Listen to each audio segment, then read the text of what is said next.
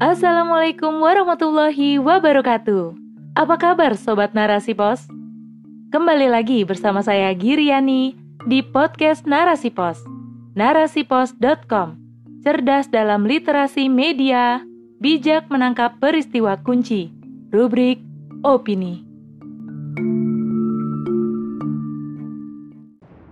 Kredibilitas aparat di sistem kapitalis yang minimalis oleh Wening Cahyani. Gonjang-ganjing di ranah pelayanan masyarakat kian berguncang. Berbagai perkara bergulir tak tentu arah. Banyak kasus yang dilaporkan masyarakat tapi tidak mendapatkan solusi tuntas. Bahkan kasus malah dihentikan atau ditutup. Aparat sendiri pun bersikap tidak mengenakan terhadap pelapor, baik sikap abai maupun marah-marah, kredibilitas aparat pun tercoreng.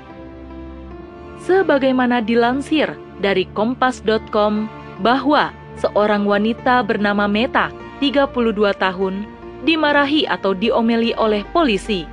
Meta melaporkan kasus pencurian yang ia alami di Jalan Sunan, Sedayu, Rawamangun, Pulau Gadung, Jakarta Timur pada Selasa 7 Desember 2021 lalu.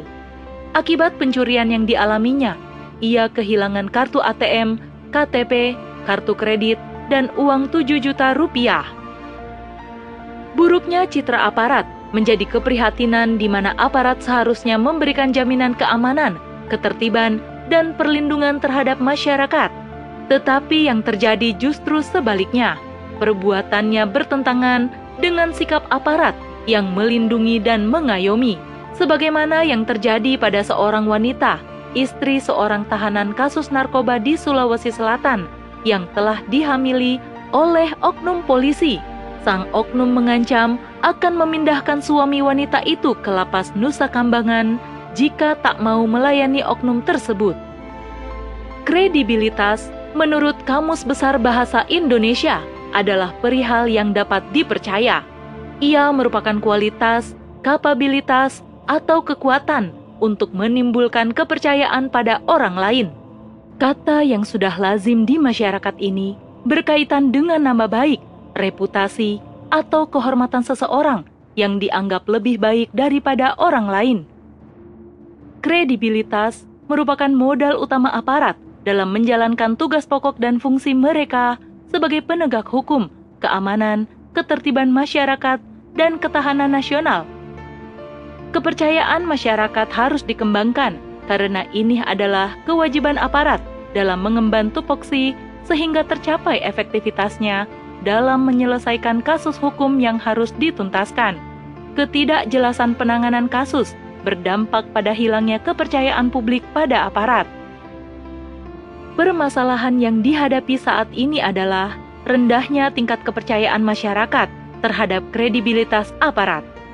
Hal tersebut didapatkan berdasarkan hasil survei kelompok diskusi dan kajian opini publik Indonesia, tingkat kepercayaan 66,3 persen dan tingkat kepuasan 65,9 persen.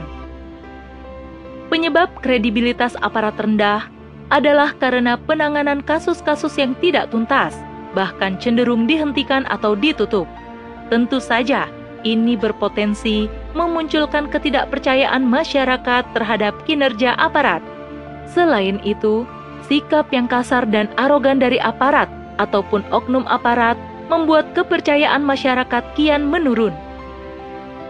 Berbagai kasus yang tidak ditangani dengan baik, bahkan berhenti di tengah jalan, menjadikan masyarakat lebih percaya kepada media sosial dibanding aparat. Munculnya tagar percuma lapor polisi di Twitter yang mencapai 14,8 ribu cuitan merupakan salah satu bentuk kekecewaan masyarakat. Selain itu, wujud kekecewaan terhadap sikap aparat muncul tagar oknum aparat yang mencapai 1,8 ribu perbincangan.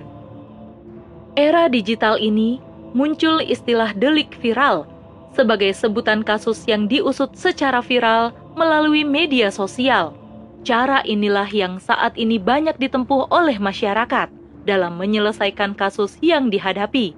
Misalnya kasus hilangnya anggota keluarga. Maka, dengan mengunggah fotonya, anggota keluarga tersebut bisa ditemukan. Kasus korupsi dan pemerkosaan yang mana masyarakat menuntut agar pelaku segera ditangkap. Akhirnya aparat pun memproses kasus-kasus tersebut hingga tuntas. Padahal kasus-kasus tersebut sudah masuk peti kemas. Beginilah kondisi kepercayaan masyarakat terhadap aparat yang kian minimalis. Wajar ini terjadi manakala kita hidup di sistem buatan manusia, yaitu sistem yang menjauhkan hamba dari penciptanya. Atmosfer kapitalis dan liberalis telah mengungkung manusia-manusia di dalamnya, termasuk para aparat keamanannya. Sistem yang mengedepankan kebahagiaan dengan mendapat materi sebanyak-banyaknya. Sikap kasar dan arogan pun tak lepas dari karakter aparat keamanan. Sikap pribadi yang menunjukkan tidak berempati kepada korban dan justru menambah susah bagi korban atau keluarga korban.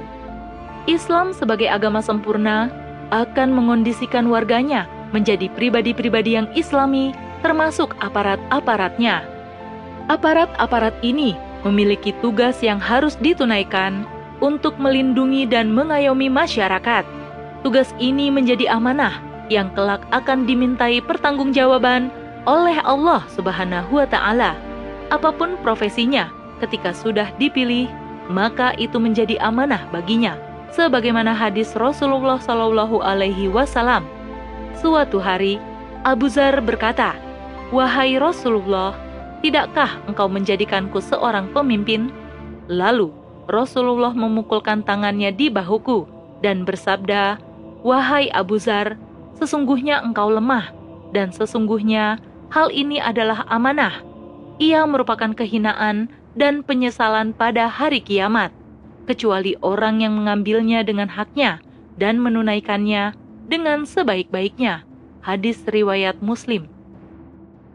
Berkaitan dengan kejadian di atas, di dalam kitab Al-Hizatu Ad-Daulah Al-Khilafah, bahwa tupoksi sebagai aparat keamanan di dalam Islam masuk bagian dari Departemen Keamanan Dalam Negeri. Adapun tugasnya adalah menjaga keamanan dan negeri bagi negara Beberapa hal yang mungkin akan mengganggu keamanan dalam negeri adalah murtad dari Islam dan bugot, yakni keluar melepaskan diri dari negara, baik dengan aktivitas-aktivitas pengrusakan dan penghancuran, seperti berbagai bentuk serangan dan pendudukan pusat-pusat strategis di dalam negara dan menguasainya, disertai pelanggaran terhadap berbagai kepemilikan individu, umum, atau negara dan keluar menentang negara dengan senjata untuk memerangi negara. Selain itu, perbuatan-perbuatan yang mengganggu keamanan dalam negeri adalah al-hirobah atau perompakan, yakni pembegalan di jalanan, menyerang orang-orang untuk merampok harta milik mereka, dan mengancam nyawa mereka. Demikian pula, termasuk perbuatan yang mengganggu keamanan dalam negeri adalah penyerangan terhadap harta-harta masyarakat, melalui kejahatan pencurian, perampasan, perampokan, penggelapan, gangguan terhadap jiwa masyarakat melalui pemukulan, pencederaan, dan pembunuhan, serta gangguan terhadap kehormatan melalui publikasi keburukan dan tuduhan berzina. Berbagai tupoksi di atas menunjukkan bahwa keberadaan aparat ini sangat penting, sehingga dalam perekrutan dan pelatihannya pun tidak sembarangan.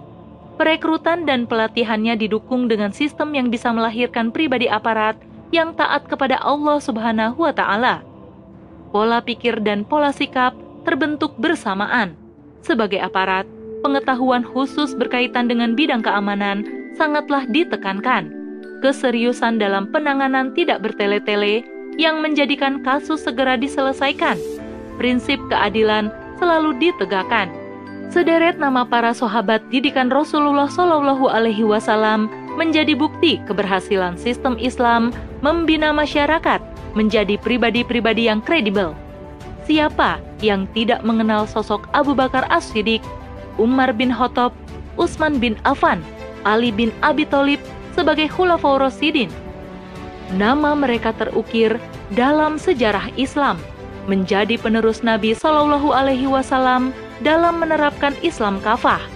Mereka menyelesaikan persoalan atau sengketa yang ada di tengah masyarakat dengan Al-Quran dan As-Sunnah. Demikian pula dengan khalifah-khalifah setelahnya, beserta aparat negara di dalam daulah Islam. Demikianlah gambaran nyata para aparatur negara dalam sistem Islam.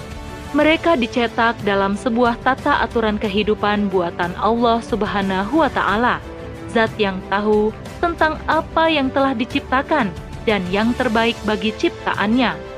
Mereka memiliki pribadi sesuai dengan sistem yang mereka hidup di dalamnya.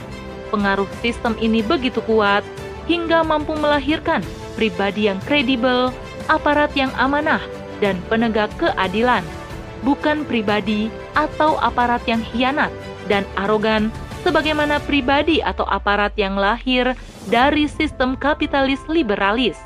Oleh karena itu, segera kita wujudkan para aparat yang amanah dalam mengemban tugas dengan menerapkan kembali syariat Islam dalam bingkai khilafah Islamiyah ala min hajin nubuah. Wallahu a'lam bisawab.